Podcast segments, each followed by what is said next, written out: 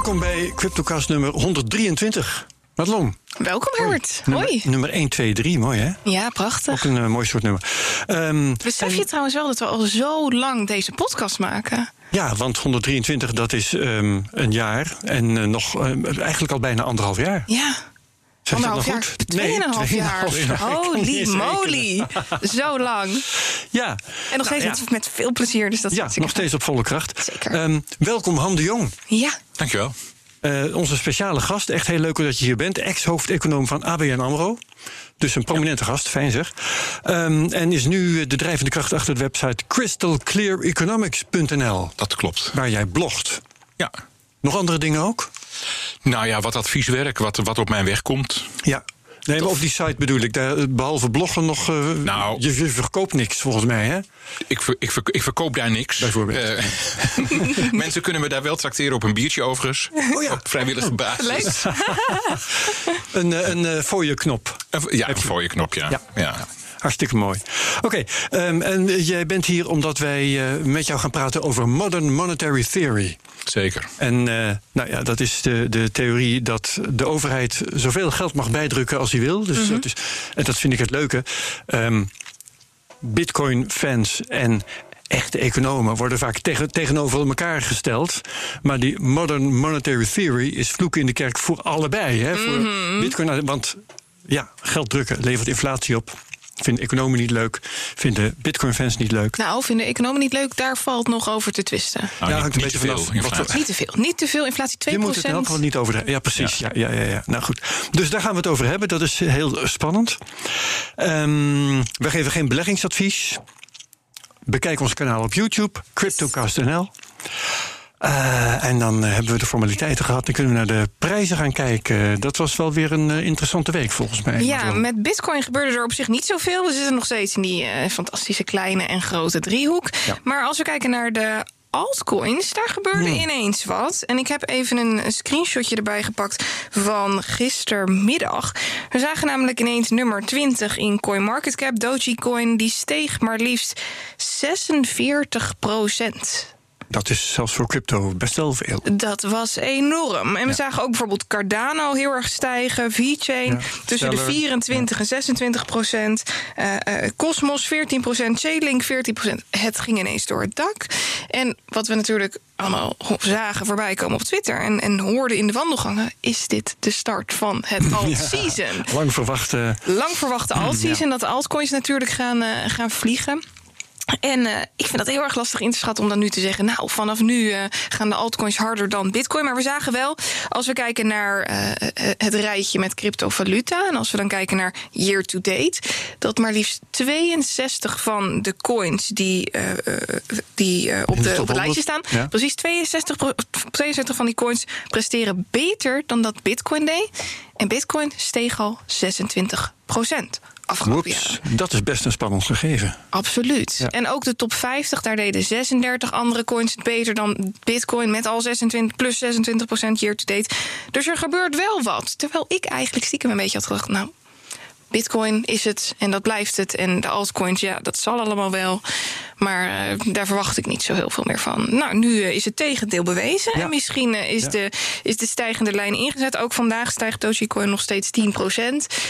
Dus Ja. we zien nog geen, nog geen klap op de markt. Daar is iets mee aan de hand, maar dat komt straks in het nieuws wel. Ja. Ehm, want, eh, wat, wat ik nog wil zeggen is, als ik jou eh, zo hoor praten over die eh, cijfers van gedurende dit jaar, hè, Mhm. dan denk ik, ja, daar, daar is echt wat, wat gaande. Dat is, als, je, als je over een heel jaar kijkt en het gaat harder dan bit. Ik heb de laatste tijd las ik vaak op Cointelegraph en Coindesk en dergelijke Mhm. las ik berichten van... hier is een coin en die is de afgelopen ehm, zoveel maanden... is die zoveel honderd procent gestegen. Ja. Eh, Met Chainlink was dat aan de hand Mhm. en met... Tezos was dat aan de hand en met een paar hele vage ook nog wel. En ik dacht, ja, ja, ja, jullie pikken de uitzonderingen eruit om er maar een interessant berichtje van te maken. Maar nu blijkt dus toch echt wel, als je over een half jaar kijkt, Ja. Dat we een trend te pakken hebben. Ja, zeker weten. Ook Dogecoin die stegen 264 procent year to date. Dat, dat zijn getallen die heb ik, die heb ik in, in, in een hele tijd niet meer gezien. Nee. En ook harder dan Bitcoin. En normaal is het zo met een, met een altcoin season dat we zien dat Bitcoin daalt en altcoins heel erg hard stijgen. Nou, dat zien we op dit moment nog niet. Bitcoin bleef stabiel met eh, 0,07 procent op het bord gisteren.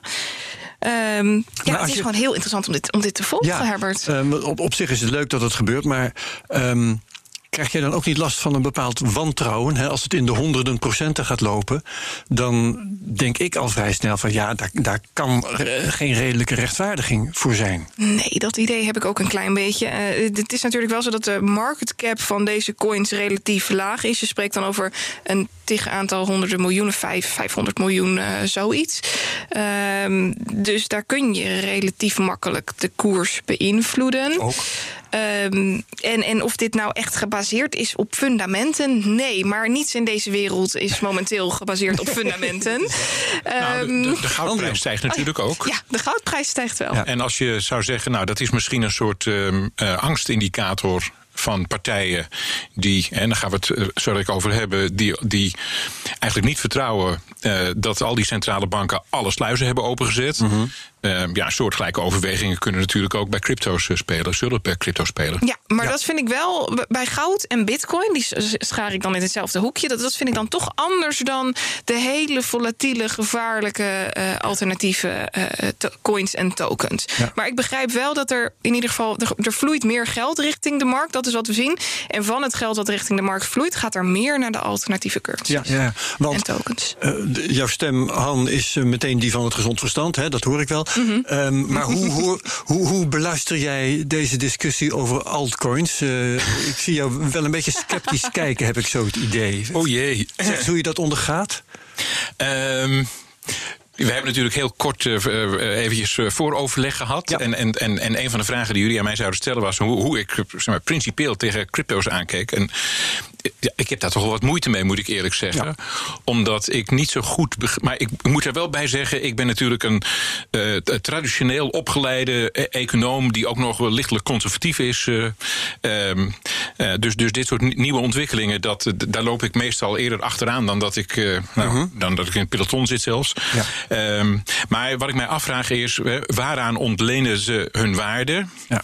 Ehm, ja, dat is, dat is eigenlijk de, de belangrijkste vraag. En, en, en daar kan ik eigenlijk niet voor mijzelf een heel bevredigend antwoord op geven. Nee, dat snap ik. En eh, als ik daar een antwoord op zou moeten geven, dan de, eh, de vraag. ehm, of de, sorry, de, de, de prijs van zulke coins, die heeft natuurlijk eh, een heel sterk speculatief element. Dat is waar jij natuurlijk ook meteen aan denkt.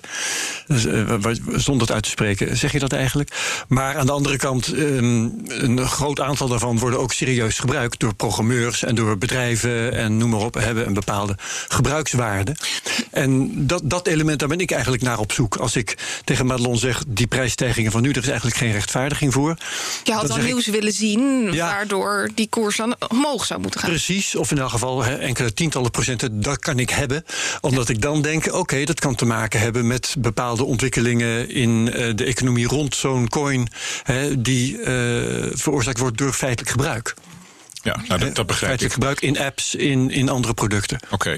Nou, weet je, eh, ik moet eer- eerlijk zeggen dat ik, dat ik het dan gewoon van crypto's waarschijnlijk te, te weinig weet. Hè, want je hebt het over de, de, de gebruikswaarde. Ja. daar heb ik misschien onvoldoende, of daar heb ik, zeer, daar heb ik zeker on- onvoldoende zicht op. Wat nou feitelijk de gebruikswaarde is. Want natuurlijk, dat is een deel van de, hè, waar je waarde aan ontleent. Nog even los van, laat ik zeggen, de institutionele infrastructuur. Hè, dat er natuurlijk bij traditioneel geld ben je gewend dat, dat er een centrale bank is, dat er wetgeving is. Hè, waaraan ontleent de euro zijn, eh, zijn waarde? Nou, aan, het feit dat je bij de Nederlandse overheid je belastingschuld in euro's mag voldoen. Het is wettig betaalmiddel. Ja. Er is toezicht op. Er is een, er is een lender of last resort, et cetera, et cetera, et cetera. En, en dat heb je natuurlijk. En, en dat geeft natuurlijk ook gebruikswaarde, gebruikerswaarde. Ehm, dat heb je bij, bij crypto's niet. Maar als er, wat- wat jij zegt, Herbert, als er, eh, als er dus eh, ja, brede gebruikers, gebruikerswaarde eh, te vinden is. En, die, die zich spontaan ontwikkelt, dan, eh, ja, nou ja, Ja. Prima. Ja. Interessante ontwikkeling. Om, om een voorbeeld te geven. Um, er zullen vast ook luisteraars zijn die eventjes wat dat betreft uh, wat ondersteuning kunnen gebruiken.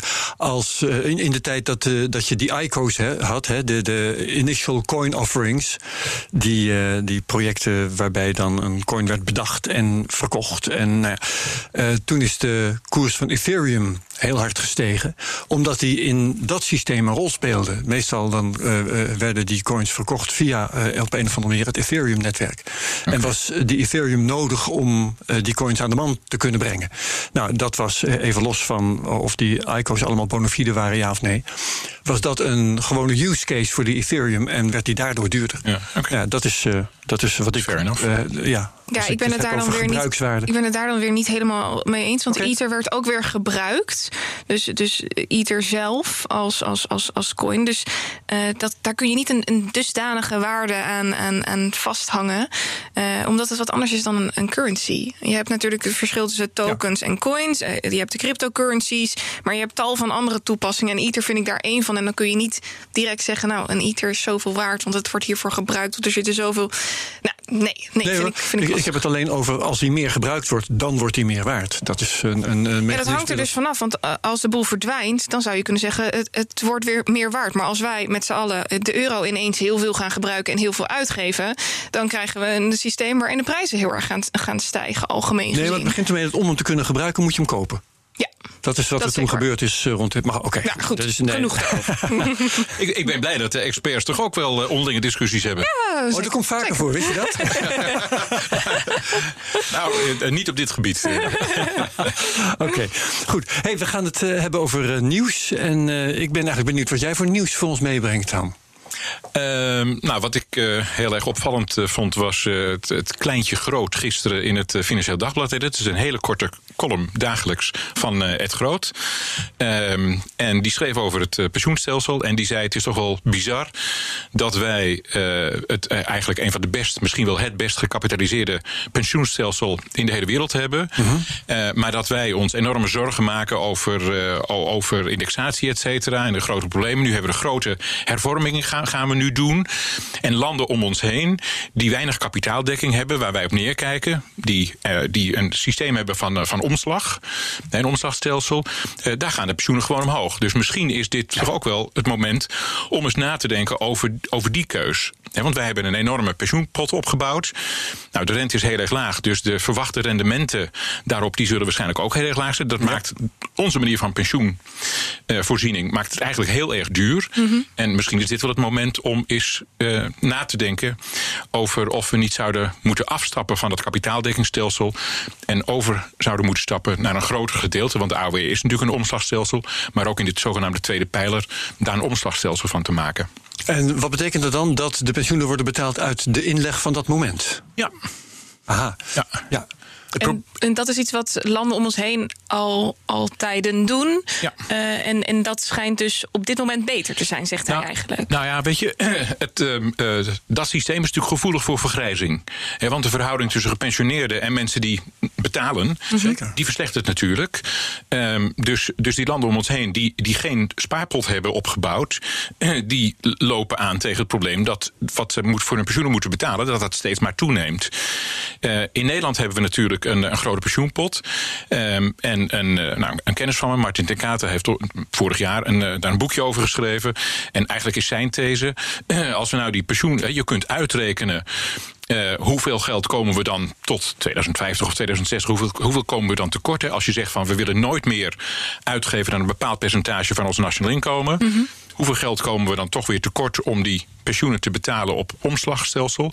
Nou, dat is een relatief gering bedrag in verhouding tot de pensioenpot die we hebben. Dus die kun je dan subsidiëren ja. uit die pensioenpot. Dus die pensioenpot uh, die er nu ligt, um, uh, die wordt dan opeens een buffer waar je tekort uit kunt betalen. Ja, ja. Ja, en dat kun je maar één keer doen natuurlijk. Hè? Die, je kunt nooit meer terug naar het stelsel zoals nee, we dat nu hebben. Nee, dat is waar. Maar als ik de, die bedragen niet helemaal in mijn hoofd zitten... maar als ik het goed heb, dan heeft Martin uitgerekend... dat uh, wat we nodig hebben tot aan nou, 2050 of zoiets... Dat, dat is iets van 200 miljard. En in de pensioenpot Zo. zit 1500 miljard of zo. Dus, Oh, dus, ja. dus we hebben een enorme overbuffer. Daar lachen we om, ja. Ja, daar lachen we om, ja. ja. Ja, interessant plan.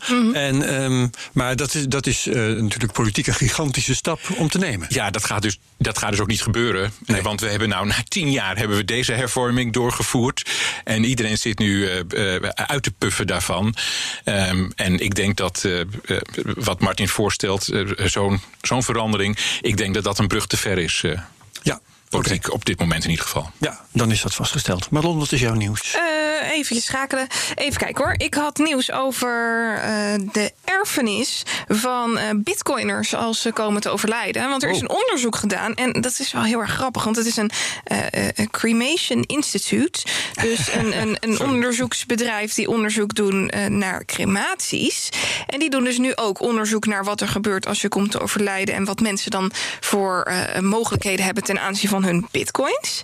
En wat ik heel erg interessant vind, is dat maar liefst 89% van de bitcoin, bitcoiners zich zorgen maakt over hun erfenis. Ja, en dan terecht. zijn dat met name, die er constant aan denken zijn, met name de babyboomers en eh, Generation X, ehm, die hier ook vaak over nadenken. En wat eigenlijk opvalt, is dat de eh, millennials en de Generation Z, dus, dus de mensen tussen de 18 en de 40, die vaak toch wel grootbezitters zijn, die vaak wat eerder erbij waren, dat die er bijna niet mee bezig zijn.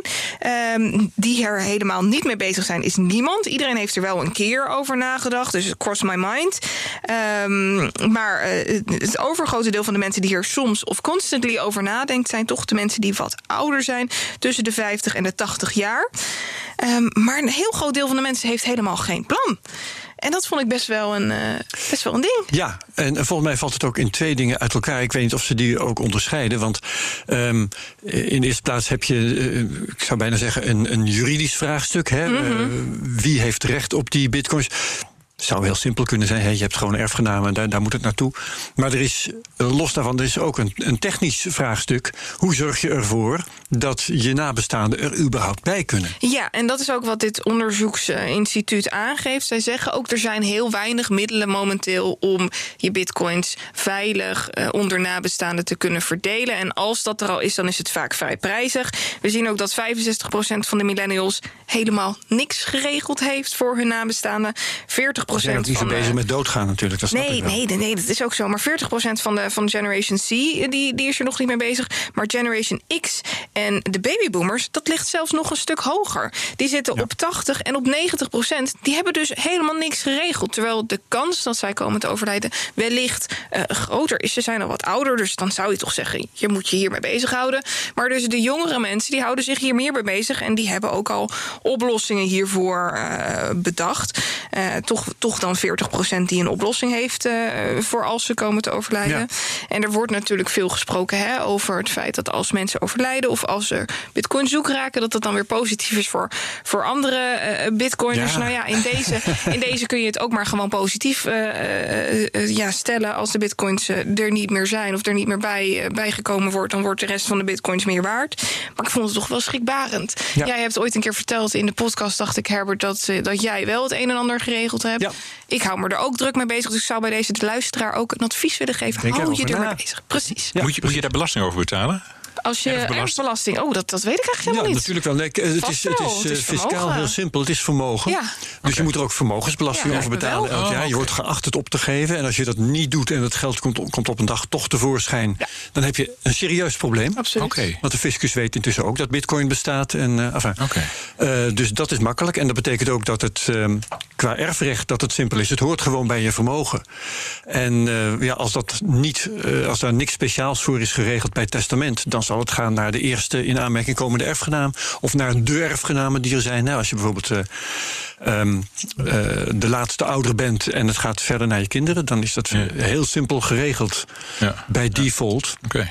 Maar ja, dat, je moet het wel even, even in elkaar zetten. Want wie geeft je welk deel van je seat? En hoe doe je dat dan precies? Of Ja. heb je ergens een wachtwoord of iets dergelijks? Het is nogal je complex. moet inderdaad wel zorgen, hè, not, your not your keys, not your coins... dat die keys ergens bereikbaar zijn. Precies. En eh, Dat, uh, en ook nog veilig, want je kunt het allemaal wel opschrijven en in een envelop op uh, de schoorsteenmantel leggen. nou, dan kan die inbreker er ook bij. Ja.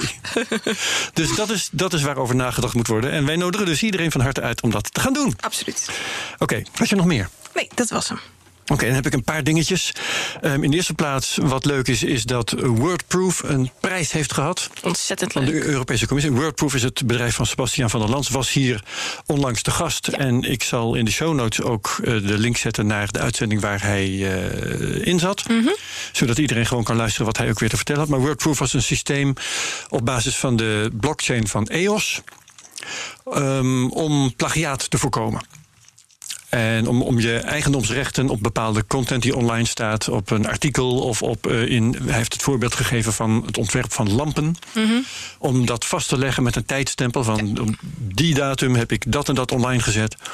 En uh, iemand die hetzelfde online zet na mij, die is dus een dief van mijn intellectueel eigendom. Dat, ja. dat was het spul. En het gaat ook over, over tekst. Hè? Dus op het moment dat ja. je een, een column geschreven hebt en Precies. daarna verschijnt die ineens op een, op een andere website met een eerder timestamp, dan lijkt het alsof die op dit andere website eerder verschenen is. Nou, daar kun je dan ook weer uh, je initiële uh, moment van uploaden laten zien.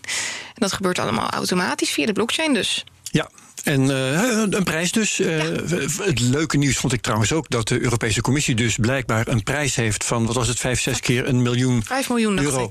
Ja, um, voor blockchain producten. Dat uh, is, is ook weer goed nieuws. Maar goed, Wordproof heeft dat dus gekregen. En uh, we feliciteren ze van harte. Ja. En dat is dat. Minder leuk nieuws is dat André Koster, die in een andere CryptoCast is geweest om te vertellen over um, zijn eenmansbedrijf en de moeilijkheden die hij had met de AMLD5-wetgeving. Hij zat in die podcast samen met Simon Lelyveld, die hem toen nog uh, bemoedigend heeft toegesproken van misschien, misschien kun jij er wel aan ontkomen. Nou, die mm -hmm. details. Ik zou zeggen, luisteren naar uh, dat programma. Zet ook weer een link in de show notes. Maar um, André Koster stopt ermee. Mm -hmm. Hij geeft het op, gooit de handdoek in de ring. En even kijken, hij heeft een brief, een mail geschreven pardon, aan Mahir Al-Kaya van de Socialistische Partij. En ik zal maar even voorlezen wat hij daarin zoal schrijft. Na de wet en de memorie van toelichting van de minister goed bestudeerd te hebben, heb ik mij genoodzaakt gezien om na een kleine vijf jaar mijn kleine crypto-wisselkantoortje te moeten sluiten. Ik heb er zelfs van afgezien de registratie bij DNB te gezien de eisen die gesteld worden. Daarbij kwam dat de leges van voor de registratie 5000 euro verschuldigd zijn, ongeacht of de registratie wordt verstrekt of niet omdat ik mijn kansen zeer laag inschatte, heb ik het risico niet willen nemen om zonder resultaat het geld kwijt te zijn. Voorts is inmiddels de overgangsregeling dat bestaande bedrijven een half jaar zonder registratie kunnen doorwerken, door DNB beperkt tot die bedrijven die op het moment dat de wet in werking trad, 21 mei, zich al voor registratie hadden aangemeld. Een nogal vreemde gang van zaken. Ja, want dat betekent dus eigenlijk dat je al tekent voor iets waarvan je de kosten nog niet eens kan inschatten. Ja, alleen de bedrijven die uh, de DNB die blanco cheque hebben gegeven, ja. die mogen nog even doorwerken uh, zonder die registratie, terwijl de aanvraag loopt. En voor anderen gold dat dus niet. De mail gaat verder. De reden dat ik mijn kansen voor een succesvolle registratie zo laag inschat, zijn de zware eisen die DNB stelt. Waaronder het, voor, het uh, voorkomen dat de eigenaar invloed uitoefent op de gang van zaken bij de onderneming. Hij heeft notabene een eenmanszaak. Mm -hmm. De vereiste compliance en auditfuncties. En de vereiste trainingen van het personeel. Dit alles is een paar maten te groot voor mijn eenvoudige bedrijfje. Wat voor mij een bijverdienste is naast mijn fulltime baan. Ja, nou, sneu. Ja, en dat is, ja, het is uh, triest ook al omdat de Kamer met algemene stemmen een motie had aangenomen dat dit soort dingen juist, ju nou juist niet zouden, zouden moeten worden. gebeuren. Ja. Minister Hoekstra had zich daarmee akkoord verklaard. En uh, zei onlangs, toen Mahir Alkaya hem daar per Kamervragen uh, aan herinnerde dat het hem eigenlijk geen balk, of in elk geval dat hij daar verder helemaal niks mee ging doen, dat het jammer was. Mm -hmm. En dat is het inderdaad, jongens. Oké. Okay. Dus dat is André Koster. En uh, ja, dan had ik nog, we hadden het over de altcoins. En uh, een zekere Mark, Mark W69 op Twitter, die uh, attendeerde ons op wat er op dit moment aan het gebeuren is met Dogecoin. Want jij noemde die al, dat die zo spectaculair is gestegen. Maar de afgelopen week is er op TikTok een expliciete pumpcampagne gaande. Ja van uh, mensen die uh, iedereen om hun heen aanmoedigen om Dogecoin te kopen. Want die is nu, wat is het, een kwart cent waard of zo. Mm -hmm. En als ze hem weten te pumpen naar uh, 1 dollar, dan nou, dan maar van je, de 25 dollar die je bijvoorbeeld inlegt, uh, daar maak je dan 10.000 dollar van. Wat natuurlijk volkomen buiten bereik is. Dit gaat toch nooit lukken? Dit is nog net geen piramidespel. Het, maar is, uh, het is pump en dump. Dat is hartstikke illegaal in de gewone Juist. financiële markten. Dus uh, pas ermee op. En waarschijnlijk een procent of uh, 20, begreep ik, van de prijsstijging van Dogecoin is hier aan te wijten. Mm -hmm. En Dogecoin is dus even, ik zou zeggen, blijft er in een ruime, op ruime afstand anderhalve meter of zo vandaan. Minimaal. Ja. Oké, okay, jongens, dat is mijn nieuws. En dan zijn we toe aan het gesprek van Han de Jong. Ja. We, weet je wat we. Uh, langzamerhand zijn we er al een beetje van af aan het raken. Maar het is een tijd geweest dat we elke gast vroegen. Hoe ben jij voor het eerst met crypto in aanraking gekomen? Um, is dat voor jou uh, nog, nog te herleiden, Han? Nee, dat heeft er waarschijnlijk niet te veel indruk op je gemaakt. Totaal. Toen het gebeurde. Nou, na natuurlijk wel. Want ja? Een, een, ja, natuurlijk. Het is een interessante ontwikkeling. Ja? Maar, maar wanneer dat was, dat, dat, nee. dat durf ik echt niet te zeggen. En ik denk dat ik, ja, ik weet het niet precies. Hmm. Uh, uh, maar ik neem aan dat de meeste van jullie gasten. Uh, laat ik zeggen, meer crypto-enthousiast zijn ja, dan ik zijn dat er ben. prompt mee aan de slag gegaan ja, meestal. Ja, ja. Ik, nou ja ik, ik, ik, probeer daar een beetje van een afstandje naar te kijken. Maar ik merk nu al in, in, in wat jullie al besproken hebben... dat ik wel... Dat je nog wat te leren hebt. Dat ik wel een hoop te leren heb. Ik heb al een hoop geleerd. En ik heb al men, mentaal een, een, een, notitie gemaakt... dat ik, dat ik sommige dingen toch, toch maar eens even ga googelen. ja. Top. Nou, dat, uh, dan nodigen we je over een tijdje weer uit... om te horen wat je... Dat kan ik een examen doen of zo. over horen. Ja, nee, goed, dat is duidelijk. Maar um, jouw basishouding over crypto, als ik het goed begrijp, is dus um, uh, sceptisch en voorzichtige belangstelling. Mag ik het zo samenvatten? Ja. Ja, en dus ook mede gemotiveerd. Um, misschien zie ik dit ook verkeerd, hè, maar, maar, maar dit soort Um, dit, dit soort uh, initiatieven komen natuurlijk voort uit een zekere onvrede met het geldstelsel dat we hebben. Ja. En uh, naar mijn idee is het geldstelsel dat we hebben eigenlijk best wel een goed stelsel. Oeh. Eh, wat, dat, meestal, dat, meestal, dat meestal vrij goed werkt. Dat beleidsmakers een zekere mate van uh, vrijheid geeft om de economie te sturen. En als we dat op een goede manier doen, dan denk ik dat de uitkomsten daarvan um, eigenlijk best heel goed zijn. Mm-hmm. Ja, ja. Nou, Marlon, wil, jij, wil jij daar stevig tegenaan gaan? Ja, of? we gaan, het, we gaan het nu natuurlijk eerst hebben over uh, MMT. Dus MMT, ik denk dat we ja, daar eventjes de diepte op daarmee. moeten ingaan. Ja. En dan gaan we het daarna hebben over ons geldstelsel. Oh, ik ben zo benieuwd. Goed, uh, kun je onder woorden brengen wat, wat MMT voor, voor volgens jou is, volgens jouw definitie? Ja, Herbert heeft het in zijn begin al eventjes gezegd. Ja, volgens mij is MMT is, is, is een denkrichting die zegt dat we in de economie eigenlijk altijd volledige werkgelegenheid zouden kunnen re realiseren. En dan moet de overheid, er is een belangrijke rol voor de overheid. Die moet gewoon zorgen dat de bestedingen uh, voldoende zijn. Uh, en, en daarbij is, uh, laat ik zeggen, de geldkraan is een, kan een instrument zijn. En dan vanuit de overheid of vanuit de centrale bank? Nou, bij, bij MMT de, ja, zijn die eigenlijk niet meer gescheiden. Okay. bij MMT is, ja. is eigenlijk de centrale bank staat ten dienste van de overheid is de geldprinter van de overheid, ja. bij wijze van ja. spreken. Dan is de eerste ja. vraag die, die in mijn hoofd opkomt... is dat niet nu al het geval? Want als we kijken naar de centrale bank... die uh, verschillende mechanismes gebruikt... maar één daarvan is natuurlijk het feit dat ze staatsobligaties opkopen. Dat uh, uh, ja, de, de regels die daaraan vasthingen... die zijn al een beetje losgelaten de afgelopen tijd. Dus ze kunnen eigenlijk overheden vanuit de achterkant... zo noem ik het altijd, financieren. Is dat dan niet al een beetje MMT? Ja.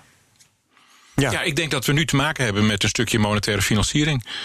Nou, dat is wel zeker. Ja. Maar dat en, mag toch eigenlijk helemaal niet? Nou, goed, dat is een, dat is een kwestie van semantiek natuurlijk. Hè. Ja. Volgens, volgens het verdrag van, van Maastricht, het verdrag, het verdrag waarop de ECB mm-hmm. uh, gebaseerd is, um, uh, mag de ECB uh, niet doen aan monetaire financiering. Ja. De reden waarom dat niet mag is, omdat toen de ECB werd opgericht, werd het gemodelleerd op basis van de Bundesbank. En de Duitsers die hebben natuurlijk nog altijd, maar het wordt wel een stuk minder. Maar die hebben natuurlijk nog een enorm trauma van hun hyperinflatie van de jaren twintig. Mm-hmm. Um, dus, dus monetaire financiering mocht niet. Uh, uiteindelijk is, heeft dat zich vertaald als dat de centrale bank geen staatsleningen mag kopen bij uitgifte van die staatsleningen. Maar, maar wel kennelijk in de secundaire markt. Maar je hebt van een derde partij opkopen, dus, dus niet direct. Partij opkopen, van, uh... dus van een pensioenfonds of een gewone belegger. Maar je hebt natuurlijk helemaal gelijk. Als, stel je voor, een pensioenfonds heeft, heeft een, stapel Nederlandse staatsleningen. En de Nederlandse bank, ECB, die, die, die kopen die van, dat, van die pensioenbeheerder. als die dan vervolgens de volgende dag, als er een uitgifte van nieuwe staatsleningen door Nederland is, als, als die daarop inschrijft met, en dat geld dus daar, daarvoor gebruikt, ja, dan is het gewoon via een omweg, via een klein omweggetje maar, is gewoon sprake van monetaire financiering. Ja, en dan zeg jij dus, uh, zo leer ik weer wat van jou, dat is uh, gewoon in strijd met het verdrag van Maastricht. Nou, nou, dat, nou, nou ja, volgens de Duitsers wel. Als, uh, nou ja, daar hebben ze dus rechtszaken over gevoerd in Duitsland bij het, bij het Bundesverfassungsgericht ja. in Karlsruhe. Ja, dat waren ook, ja. uiteindelijk, uiteindelijk heeft zelfs dat gerecht besloten dat dat toch niet zo is. Dat, dat het wat de ECB doet, nou ja, dat dat dan wel oké is. Maar ze moeten nog even uitleggen, nou, hoe dat, die laatste rechtszaak, hoe dat gaat aflopen, dat, dat zullen we nog wel zien. Um, maar, ik, maar het is in, ik zou wel zeggen, het is tegen de geest van het verdrag mm -hmm. wat er gebeurt. Ja. Daar wil ik wel gelijk aan toevoegen dat ik wel denk dat het verstandig is om dat nu te doen. En je kunt wel een verdrag okay, hebben. Ja. He, um, ja, als we morgen. Uh, nou ja, dat laat ik geen onzin uh, uitkramen. Maar, maar je kunt natuurlijk zeggen: kijk, we hebben dat verdrag gesloten. Um, dat verdrag is natuurlijk heel erg gebaseerd op de gedachte dat, dat we inflatie moeten, moeten voorkomen. En zeker heel hoge inflatie. Mm -hmm.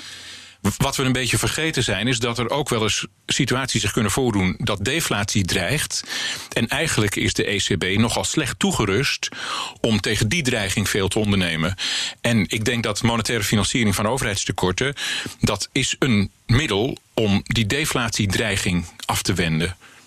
Komt dat geld dan niet op de verkeerde plekken terecht? Want we zien nu bijvoorbeeld uh, asset inflation. Uh, de, de, huizenprijzen staan op, op recordhoogte. Eigenlijk zeg je dus indirect: het geld komt onder andere terecht bij pensioenfondsen. Want daar vandaan worden die, uh, die staatsobligaties opgekocht. Ook van, van andere partijen natuurlijk.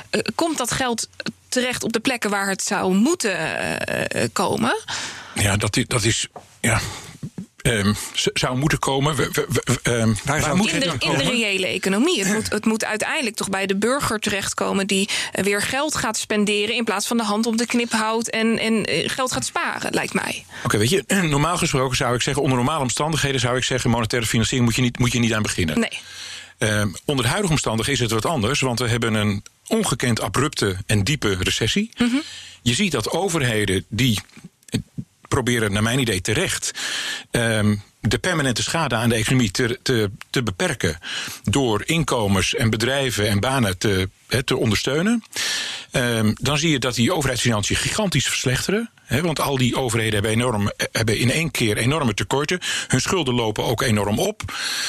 Um, ja, ik denk dat dit een situatie is waarvan je zegt: nou ja, laten we dat dan maar een keertje monetair financieren. Zodat we niet die overheden weer in problemen brengen. Want als we die, als we die overheden dus eh, expliciet opzadelen met al die schuld. en die moeten dat in de toekomst weer. Uh, terug gaan brengen door, door, door, door te bezuinigen, hè, dan ja, dat is een beetje het, uh, het paard achter de wagen spannen. Mm -hmm. dus, dus ik zie in de huidige uh, problematische economische situatie een soort rechtvaardiging ervan om die overheid al die maatregelen te laten nemen en de centrale bank te laten ondersteunen door dat monetair te financieren. En wat zijn daar de consequenties van, los van het feit dat de overheid uh, gefinancierd wordt en dus bijvoorbeeld de BTW niet hoeft te verhogen of minder belasting hoeft te heffen? Wat zijn daar direct de gevolgen van die wij als burger merken van, van die limited geldcreatie, als ik het zo mag noemen? Nou ja, ik, ik, ik, ik, hoop dat het gevolg dat wij, er, dat wij ervan merken is dat mensen hun baan niet verliezen, dat er niet zoveel bedrijven omvallen als anders zou gebeuren. Dat zijn de gevolgen van die, van die overheidsmaatregelen. Ik heb toevallig van de, van de week even zitten googelen. En ik heb gegoogeld op, uh, op, op, op ontslag of ontslagen. En ik heb de eerste twee pagina's van uh, Google erbij gepakt. En dat stond vol met uh, 750 banen hier, 7, 7000 banen hier, 300 banen daar. Die allemaal verloren gaan. Ondanks dat er, er is nog nooit zoveel geld in de economie gepompt als dat nu gebeurt. We zien geen inflatie, wat eigenlijk zou moeten. Prijs prijsstabiliteit 2%, of de prijsstabiliteit 2% Dat gebeurt niet. Dat geld komt terecht in mijn, mijn objectief, uh, objectief, hoe noemen we dat? In mijn inziens. Perspectief. Komt, perspectief, precies. komt het terecht op de verkeerde plek. We zien beurzen die op all-time high staan. Je kan bijna de geldcreatie gelijk trekken met, met, met, met, de SP 500. Ja. Uh, ongeveer. Ik vraag me af waar dat, waar dat geld terechtkomt en of het op de goede plekken terechtkomt. Nou ja, mij, al die, die berichten die je hebt gezien, wat gaat het over Nederland of is dat internationaal? Voornamelijk Nederland. Nou, Voornamelijk Nederland. NS bijvoorbeeld, hè, de ja, 2000 geloof ik. KLM nou dreigt. Ja, Oké, okay, door, de, door deze eh, pandemie. Uh, verdwijnen natuurlijk bepaalde verdienmodellen. Mhm. En als je dus zegt van nou, het zou best eens kunnen zijn dat nog voor jaren veel minder mensen met het openbaar vervoer gaan, met de, van de NS gebruik gaan maken, dan is het natuurlijk gewoon normaal dat het personeelsbestand van de NS zal moeten inkrimpen. Mhm. Dus, dus ja, dat, dat is dan vervelend. Dat geld komt natuurlijk voorlopig nog wel bij die, bij die mensen eh, die, eh, die niet werken, maar wel hun loon krijgen. Ja. Die, dus, dat, dus dat geld op het ogenblik komt dat geld gewoon bij die mensen in de, in, in de pocket. Natuurlijk heb je ook gelijk hè, dat, dat door, de, uh, de, door, doordat centrale banken de sluizen hebben opengezet. En in de Verenigde Staten, laten we ook niet vergeten, is de rente ook dit jaar uh, vrij fors gedaald. Want aan het begin van het jaar was tien jaar staatsleningen in de Verenigde Staten had nog een rente van ongeveer anderhalf. Nou, dat is nu nog, dat is nu ongeveer een, een procentpunt minder. Dat rechtvaardigt, als de, als de lange rente daalt, rechtvaardigt dat ook wel hogere waardering van, van assetprijzen. Dus het is altijd een discussie of je, of je, of wat je precies moet met die assetprijsinflatie. Um, ik zeg niet dat dat geen probleem is, maar ik vind dat een beter probleem. En, en dat, is een groot, dat, dat risico zou ik liever willen nemen dan de hele economie. Ja. Een vervelende bijkomstigheid, maar het moet maar. Ja, en, en overigens ook nog wel gedeeltelijk uh, te rechtvaardigen op basis van, van, van lage, lage rente. Als, als naarmate lange rente lager is, zijn uh, geldstromen die je in de toekomst gaat krijgen. En als je een aandeel koopt, hè, dan, dan koop je eigenlijk een geldstroom van dividenden. En, en mm uiteindelijk ga je een aandeel misschien weer verkopen. Dus dat zijn, dat zijn toekomstige geldstromen die je eigenlijk aanschaft. En naarmate rente lager is, wordt de dagwaarde, de contante waarde van die toekomstige geldstroom, die, die wordt hoger. Dus, dus dat beurzen hoger gewaardeerd staan, is gedeeltelijk ook wel te rechtvaardigen. En overigens, als je, als je kijkt, zie je toch ook wel dat de beurs maakt wel een onderscheid want het is heel duidelijk dat, dat bedrijven die verdienmodellen hebben, die waarschijnlijk gaan profiteren van deze hele uh, situatie en, en wat nog gaat komen, uh, die doen het veel beter dan uh, aandelen van bedrijven die, waarvan het verdienmodel waarschijnlijk langdurig onder druk komt te staan. Het is, het is niet, het is niet toevallig. Nou, de, ja, de, de banken. en het is niet toevallig dat technologiebedrijven, dat de Nasdaq voorbij zijn vorige hoogtepunt is. Ik begrijp even niet waarom de banken hiervan profiteren. Nee, die juist niet. Oh, juist, niet. Die, maar ook, die onttrekken zich aan uh, de hoogste op de beurs. Oh, precies. Oké, nee, ik begrijp het. Oké, ik moet het even op me laten, laten inwerken. Wat, wat, wat wat voor conclusie kunnen we hier aan, aan vastmaken? Dus, dus eigenlijk zeg jij, nou, het, het, is heel erg logisch dat, er, dat, dat deze stap wordt genomen. Want dit is eigenlijk de beste optie die er is. Anders dan ploft het systeem. En het is bijzaak dat we uh, dan asset inflation krijgen, dat die aandelen stijgen, dat we misschien een stijgende huizenmarkt zien. Maar er komt er toch een moment waarop de burger zegt: hey, dit, dit, dit, dit, gaat iets mis. Dit kan niet. Uh, we zien ook bijvoorbeeld afgelopen periode, ik heb de cijfers van de Europese Centrale Bank er even bij gepakt.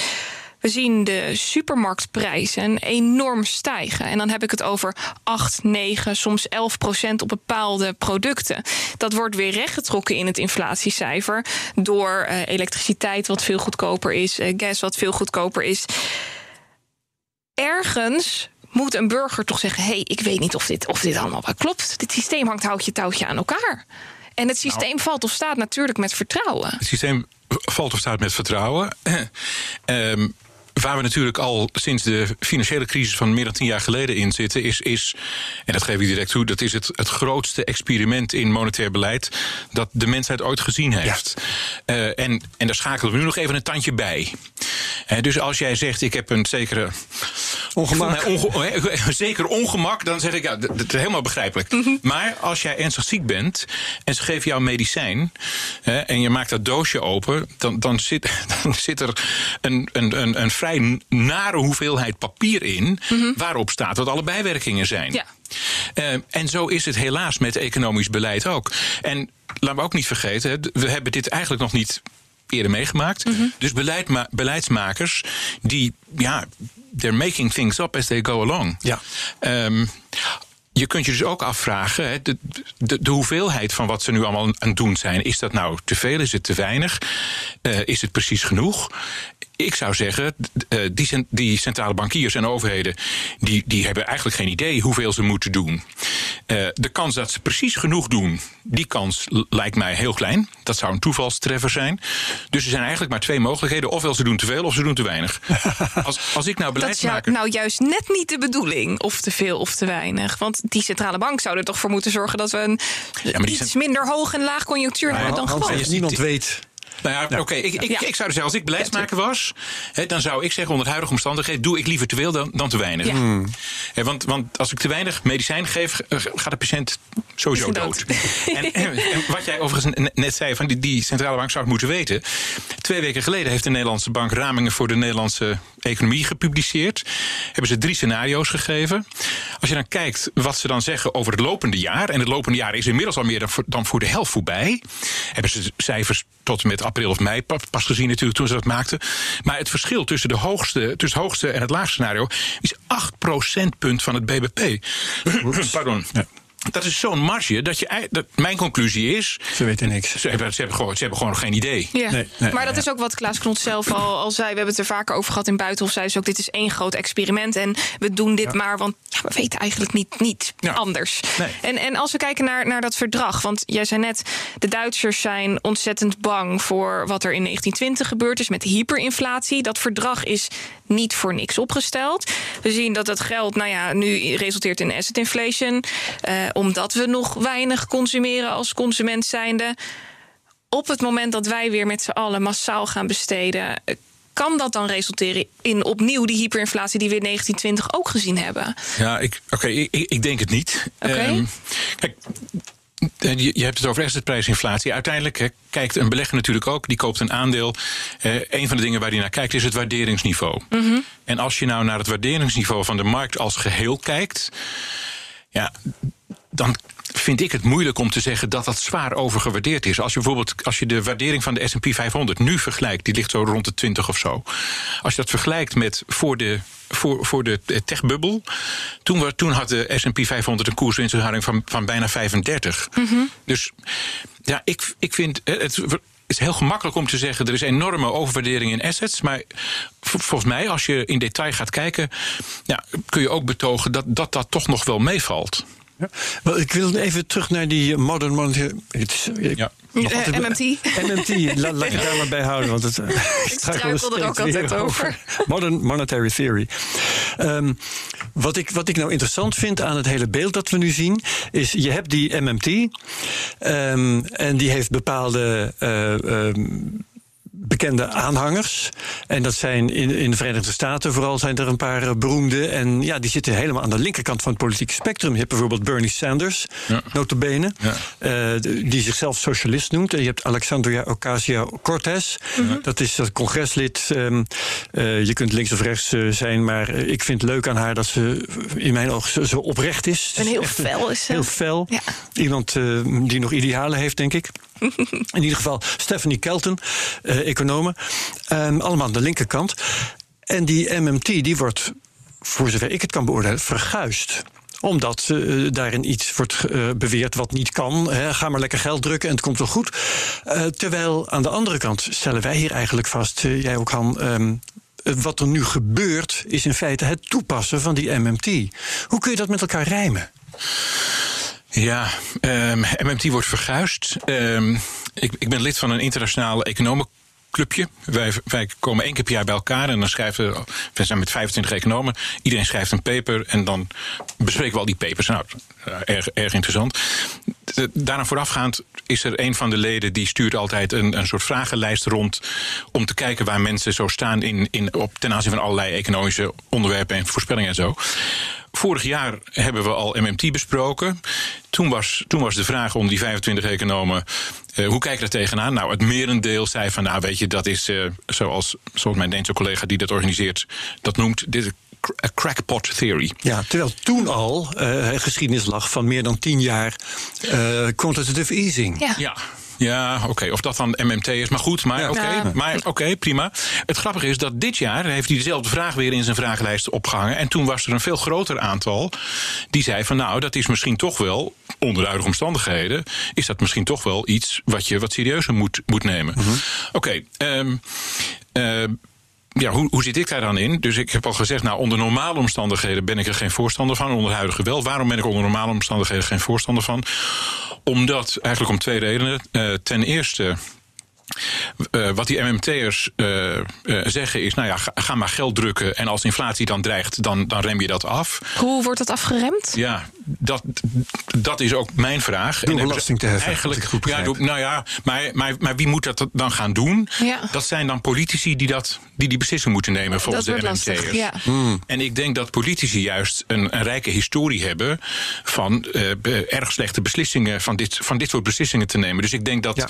ik denk dat dat, dat er inherent uh, komt er een enorme inflatiebias in het systeem als je die MMT onder normale omstandigheden. En dan uh, hebben we het niet alleen over asset price inflation, maar ook überhaupt over prijsinflatie ja, van alle producten ja. en dergelijke. Mijn, mijn, tweede bezwaar, en, en dat linkt een beetje aan hoe Herbert dit, uh, dit stukje inleiden.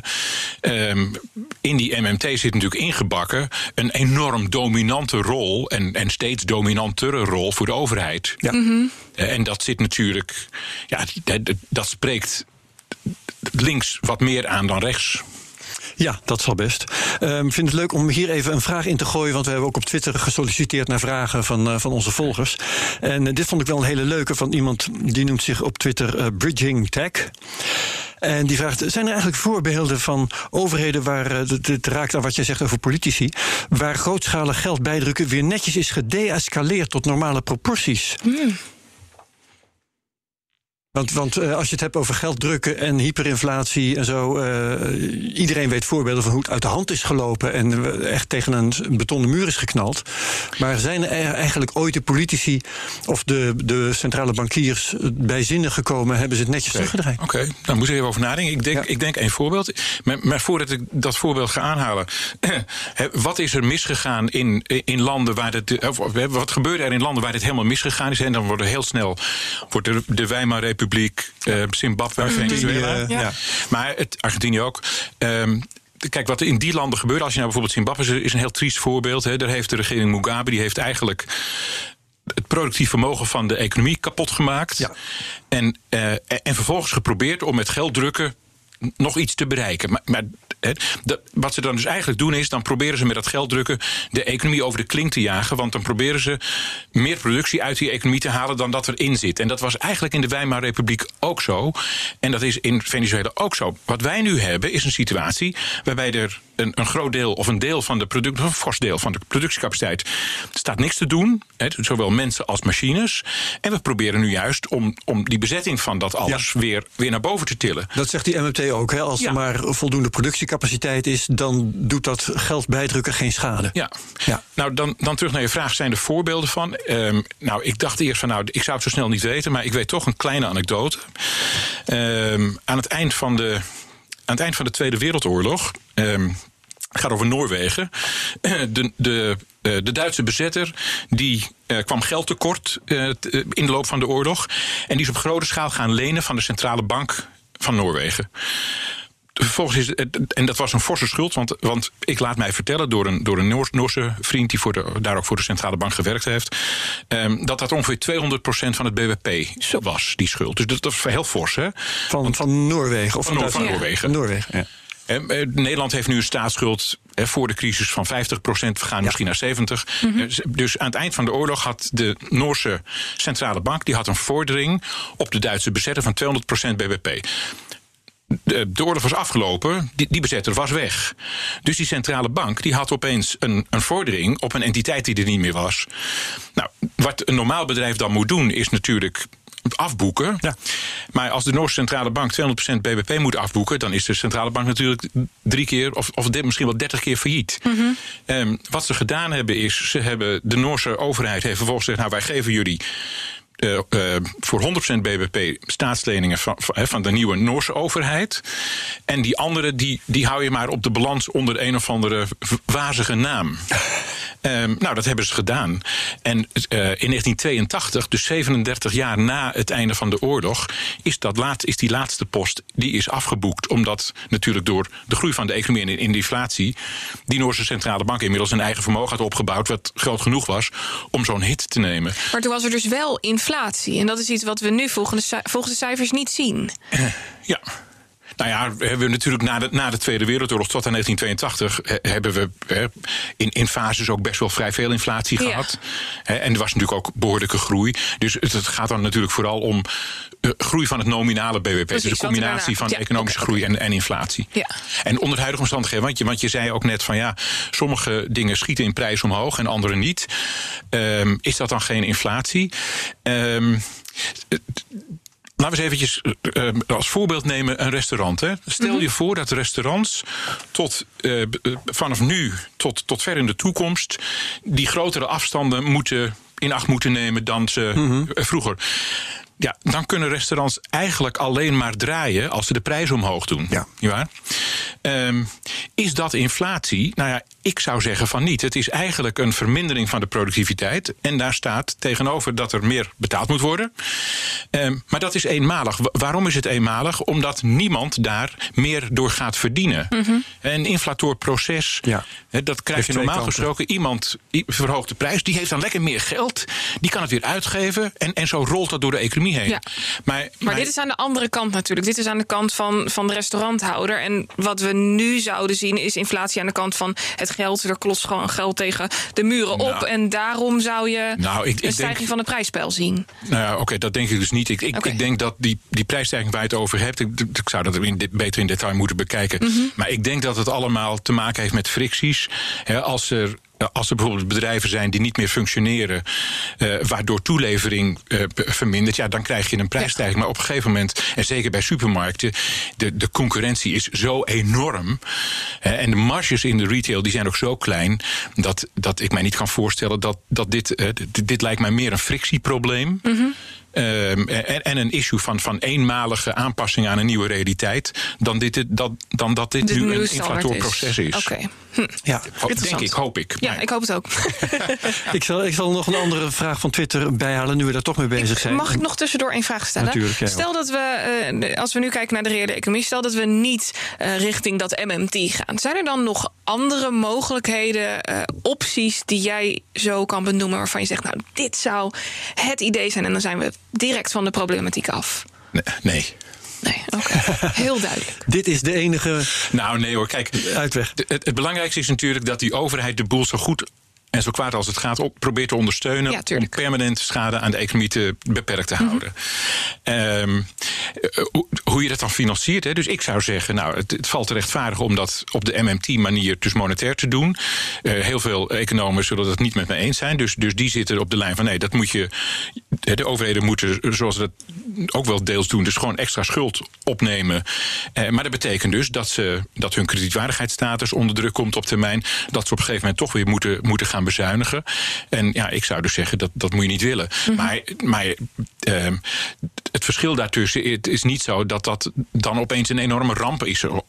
Maar ik vind dat je jezelf tekort doet. En ik vind dat ons fiat geldsysteem, wat we hebben, stelt je in staat om dit te doen. Uh, nou, ik zou zeggen, maak van die mogelijkheid gebruik. Het is natuurlijk wel zo dat, hè, dat geef je zelf ook al aan hoor. Als de mensen het vertrouwen in het geldsysteem verliezen, ja, dan zijn we natuurlijk allemaal redloos verloren. Ja. Ja. Ik, een aantal jaar geleden was ik eens op de koffie bij een directielid van de Nederlandse Bank. En die vroeg aan mij van uh, hoe lang denk je dat we met dit heel bijzondere beleid door kunnen gaan? En toen was mijn antwoord, nou, daarmee kun je doorgaan tot het moment dat het publiek het vertrouwen in het geldsysteem verliest. Maar het is waarschijnlijk niet verstandig om proefondervindelijk vast te stellen wanneer dat is. Mm -hmm. want, want dan, is dan, is het, te laat. Dan is het te laat. Ja. Ja. Waarop hij zei dat is, uh, zijn wijze woorden, maar, maar als beleidsinput uh, totaal nutteloos. Ja, daar hebben we niks aan. nee, hier hebben we niks aan. Oké. Okay. Um, vraag van Bart van Maarseveen, die we hier ook al eens over de vloer hebben gehad. Uh, inflatie wordt vaak omschreven als stille of stiekeme belasting. Ik weet niet of dat uh, houdbaar is, maar uh, dat horen we dan wel.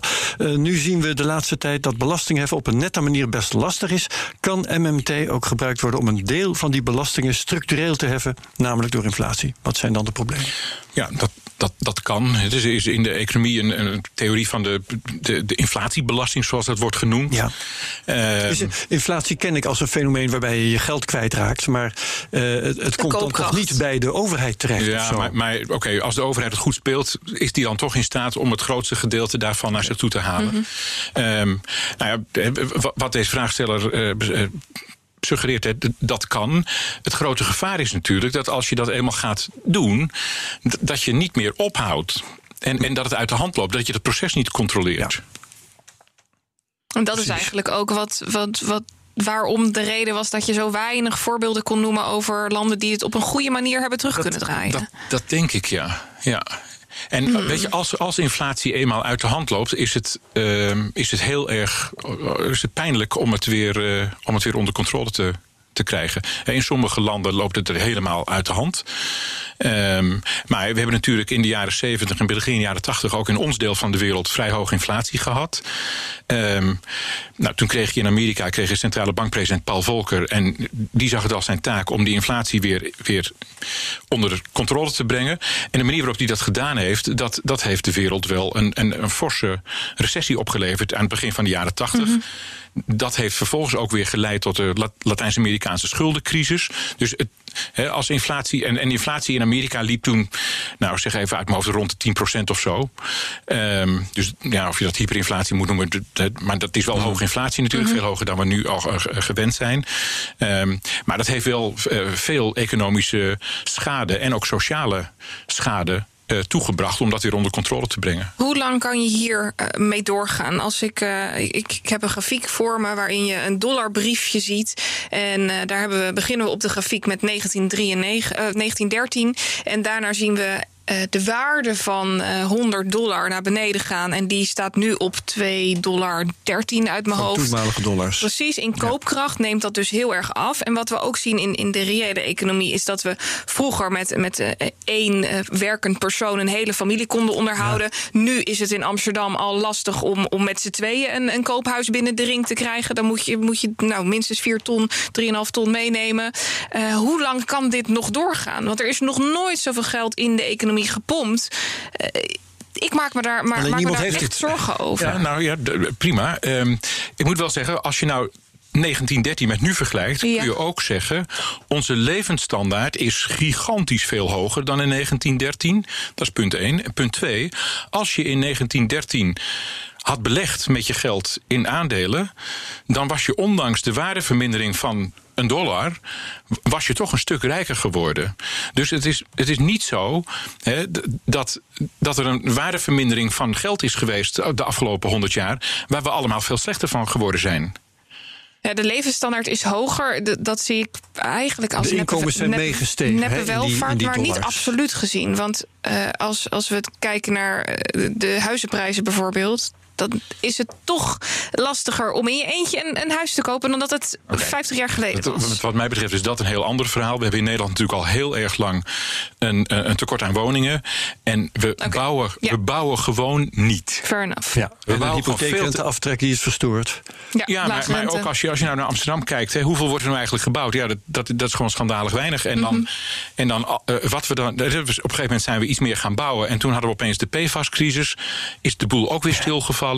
Um, ja, dus dat is gewoon vraag en aanbod. Dat denk ik wel. Nou ja, oké, okay, die, die, die, die monetaire impuls speelt ongetwijfeld een rol. Mm -hmm. En de lage rente speelt natuurlijk een rol. Want ja. naarmate de rente lager is, daar kunnen mensen hogere hypotheken. Hè, daar schiet eigenlijk niemand iets mee op.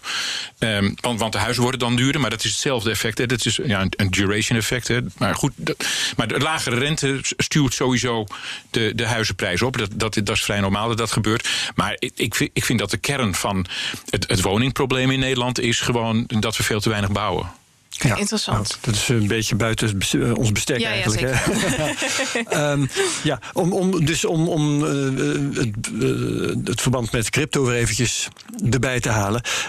de, het, het gezegde printer goes brrr uit cryptokringen. Uh, ja, die printer gaat wel brrr, maar die inflatie of die hyperinflatie die komt maar niet. Hè? Uh, dus uh, kan, kan dat eeuwig zo blijven? Is, is die, die stelling in feite niet houdbaar? Of wel? Nou, dat kan niet eeuwig zo blijven. En je kunt ook niet onbeperkt grote hoeveelheden geld creëren zonder dat dat effecten heeft. Ja, de MMT'ers zeggen dus in feite dat dat wel kan als je maar zorgt dat, het, dat er ook producten nee, worden gekocht kunnen worden. ophouden. Um, um, Oké, okay, ik zou tegen. Nee, dat is belangrijk. Jij zegt je moet er op tijd mee ophouden. Uh, de, en de MMT'ers zeggen je kunt er altijd mee doorgaan ja. als er maar wat te kopen valt. Nou ja, natuurlijk. Hè. Maar, maar, je moet dus je moet met die monetaire financiering moet je ophouden op het moment dat je, dat je economie volledig bezet is. Ja, dat, dat is waar. Precies, daar zijn de MMT'ers en ik het over eens. Ja. Um, wat, wat, wat mijn issue is met crypto ten opzichte van het geldstelsel dat we, dat we hebben, is hè, dat. Uh, ik, um, nogmaals, ik heb onvoldoende kennis van crypto's, maar wat ik in ieder geval wel begrijp, en corrigeer me als ik het verkeerd begrijp, is dat de totale hoeveelheid bitcoin die in omloop gebracht gaat worden, kan worden, is, is gelimiteerd. Zo is het. Nou, ja, daar hebben we dus echt helemaal niets aan. Want we hebben in een economie juist uh, uh, behoefte aan een toename van de geldhoeveelheid in lijn met de economische ontwikkeling. En als je dus geld hebt dat dat beperkt is in hoeveel ervan kan komen, ja, dan ga je grote problemen veroorzaken. Je ziet ook wel, je had het eerder eventjes liet je de naam Willem Middelkoop vallen. Willem is natuurlijk een, een groot uh, enthousiasteling van, van goud. Ja. En al wel tien jaar geleden ook, ook een van de mensen die zei: misschien moeten we toch weer terug naar de gouden standaard. Mm -hmm. We hebben de gouden standaard in de historie natuurlijk in allerlei landen diverse keren langs zien komen. Ja. Um, dat is eigenlijk alle keren misgelopen om, omdat dat een veel te rigide systeem is. als de hoeveelheid geld die in een economie circuleert, als dat wordt bepaald door de hoeveelheid goud die er toevallig is, ja, ja ja, voor mijn gevoel is het zo evident dat, dat, je dat niet wilt. Je kunt veel beter een, je kan veel beter een instelling hebben die er verstand van heeft. Hm. die, die, dan probeert te bepalen. Onze luisteraars lachen nu ook. Ja. ja. Zeker, dat is uh, fair enough. Kan ik goed tegen. maar als je dus een instelling hebt die, laat ik zeggen, die, die je veronderstelt te verstand te hebben van hoeveel geld er in een economie nodig is. Ja, dan is zo'n stelsel als dat we nu hebben, dat is veel flexibeler dan, dan iets wat, wat extreem rigide is. Ik vind het wel eh, heel, heel grappig hoe in deze discussie uh, um, uh, mensen zich verrassend in elkaars gezelschap bevinden. Want ja, wat jij nu zegt, dat echoot helemaal wat Mahir Alkaya ja, zeker. hier heeft gezegd. Ik vind het wel handig als ik geld kan bijdrukken, want dan kan ik, kan ik beleid voeren als socialist. En, maar nou. natuurlijk, als, als je een andere politieke richting aanhangt, kun je op die manier ook beleid voeren. Ja.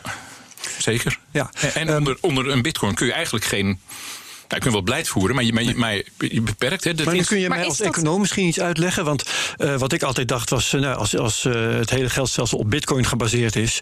als op een gegeven moment de economie groeit... en er, zijn, er is een grotere economie die gedekt moet worden als het ware door die ja, dan, dan stijgt gewoon de prijs van die bitcoin. Ja. Zo'n probleem ja. is dat toch ook weer niet? Jawel, ja? want dat betekent dus dat alle andere prijzen dalen. Dus, dus, dus je komt in een deflatie terecht. Daarom, daarom leiden, in, in de meeste gevallen hebben die gouden standaarden in de historie geleid tot depressies omdat het uiteindelijk tot deflatie, deflatie leidt. Maar waarom is deflatie dan zo'n ramp? Voor overheden snap ik het wel, want de schulden gaan minder drukken. Maar als je in een, in een uh, geldsysteem zit waarbij, waarbij schuld niet de basis voert. Want als geld nu wordt gecreëerd, is het per definitie schuld. Als je bitcoin niet zo, uh, zo bekijkt, dan zou je dus een heel eerlijk systeem hebben. Zonder dat je een staat hebt die daarin uh, zijn, zijn of haar zegje doet. Waarom is deflatie dan zo, zo, nou, zo De overheid is ook niet de enige die schuld heeft. En ook in een, ook in een economie die helemaal op bitcoin draait, zullen mm -hmm. natuurlijk sommige mensen schuld hebben. Ja, tuurlijk. En, en als je dan vervolgens een, een lading deflatie over je heen krijgt, dan blijft je schuld die blijft in bitcoin blijft dat staan. Maar als, als je nare deflatie hebt, dus dat is deflatie waarbij de economie krimpt en de inkomens van mensen ook dalen. Mm Stijgt je schuld. Dan, dan stijgt de reële last van die schuld. En, en, en dat is uiteindelijk een molensteen om, om je nek. Ja. Heel interessant. Dat is, ja. een, dat is inderdaad een, een nadeel. Oké. Okay. Um, eens even kijken. Ja, wat, wat, wat, is, wat is jouw conclusie? Waar, uh, ja, dat, nou ja, mijn, mijn, even bij jou neerleggen. Wat, mijn, uh, mijn, conclusie is dat ik mij beter moet verdiepen in crypto's. Dus, uh, dat, dat vind ik een mooie conclusie. Ik bedoel, conclusie nummer één. Ik bedoel eigenlijk met betrekking tot die MMT. MMT ja. Nou, um, als je kijkt naar hoe de traditionele centrale banken daar, he, dat bekijken, en dan kun je natuurlijk zeggen, wat, waar wij het over eens zijn, dat ze via een achterdeur dat toch eigenlijk nu wel aan het uitvoeren zijn. Mm -hmm. Maar ze, ze zullen nooit, denk ik, dat expliciet gaan maken. Um, dus ze zullen het nooit toegeven. Ze zullen dat nooit toegeven, ze zullen dat nooit propageren. En de centrale bank al helemaal niet. Want dat is eigenlijk de ondergang van de onafhankelijkheid van de centrale bank. want binnen MMT is, dat zeiden we al eerder, is de centrale bank eigenlijk een soort uitvoeringsorganisatie van het ministerie van Financiën. Uh, en, en daarmee eigenlijk van politici. Um, ja, de huidige. We, we, we, denken toch allemaal wel, nou allemaal weet ik niet, maar in ieder geval ik denk dat een onafhankelijke centrale bank dat dat wel waarde heeft. Ja. En, en uh, MMT brengt dat uh, fundamenteel in gevaar. Wat, wat ik wel leuk vind om jou nou te vragen, jij zit hier. Uh, uh, als ex-hoofdeconoom van ABN AMRO. Ik ben zo benieuwd zou jij als hoofdeconoom van ABN AMRO precies hetzelfde antwoord gegeven hebben? Zeker. Ja? ja. Want uh, dan heb je natuurlijk wel veel meer verantwoordelijkheid. Zeker, ja. Om uh, eventueel ook te zeggen, nou ja, dat MMT, dat uh, nou, kunnen we eigenlijk niet nou, gebruiken. We, um, bij de... Bij onze bank was het gebruikelijk dat, dat de hoofdeconoom forse vrijheid had. Oké. Okay, ja. En oké, okay, ik, ik in de jaren dat ik dat gedaan heb, ben ik eigenlijk in al mijn jaren dat ik als econoom in het bankwezen gewerkt heb, ben ik best wel eens een paar keer op mijn vingers getikt. Maar dat is. Dat, daar heb ik niet de vingers van één hand voor nodig om dat te tellen. Dus ik echt twee of drie keer geweest dat ik iets in het openbaar zei. wat uh, boven, zeg maar, uh, niet in goede aarde. Ja. Oké, okay. nou ja. Um, ik vond het heel leuk dat je hier bent geweest. Ja, ik ook. Dankjewel. Ik, ik vond het ook heel leuk. Ja. Dank. Dus uh, we gaan je vast nog eens een keertje terugvragen voor uh, een update. Ja, absoluut. Um, intussen moeten we langzamerhand gaan kijken ook naar de CryptoCast van de volgende week. Ja, wie hebben we volgende week? We Volgens hebben volgende week uh, Ethereum, die vijf jaar ja, een feestje viert. Ja, Mark de Graaf. Mick de Graaf. Mick de Graaf, neem ja. me niet kwalijk.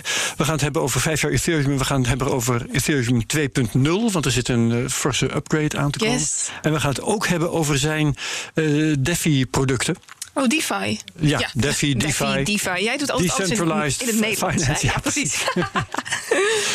MMT, MMT, inderdaad. Dus Mick de Graaf komt, hij was ook al eerder hier. Mm -hmm. Toen hebben we het inderdaad over DeFi, DeFi gehad. Uh, dus dat wordt ook heel uh, interessant en uh, spannend. Um, als je deze aflevering leuk hebt gevonden, deel hem dan op Twitter met de mention at cryptocast.nl. Vergeet niet op te abonneren op ons YouTube-kanaal. Dat Juist. kan hieronder. Er zit zo'n grote rode knop. En vergeet niet om je duimpje omhoog te doen als deze aflevering je bevallen is. En deel hem ook vooral onder vrienden, familie, kennissen, et cetera. Ja, en doe reviews op iTunes. Nou ja, al die dingen, je weet het langzamerhand. Um, vanuit de CryptoCast willen jullie heel hartelijk danken voor het luisteren en kijken. Ja. En tot de volgende keer, tot de volgende CryptoCast. Dag. Dag allemaal.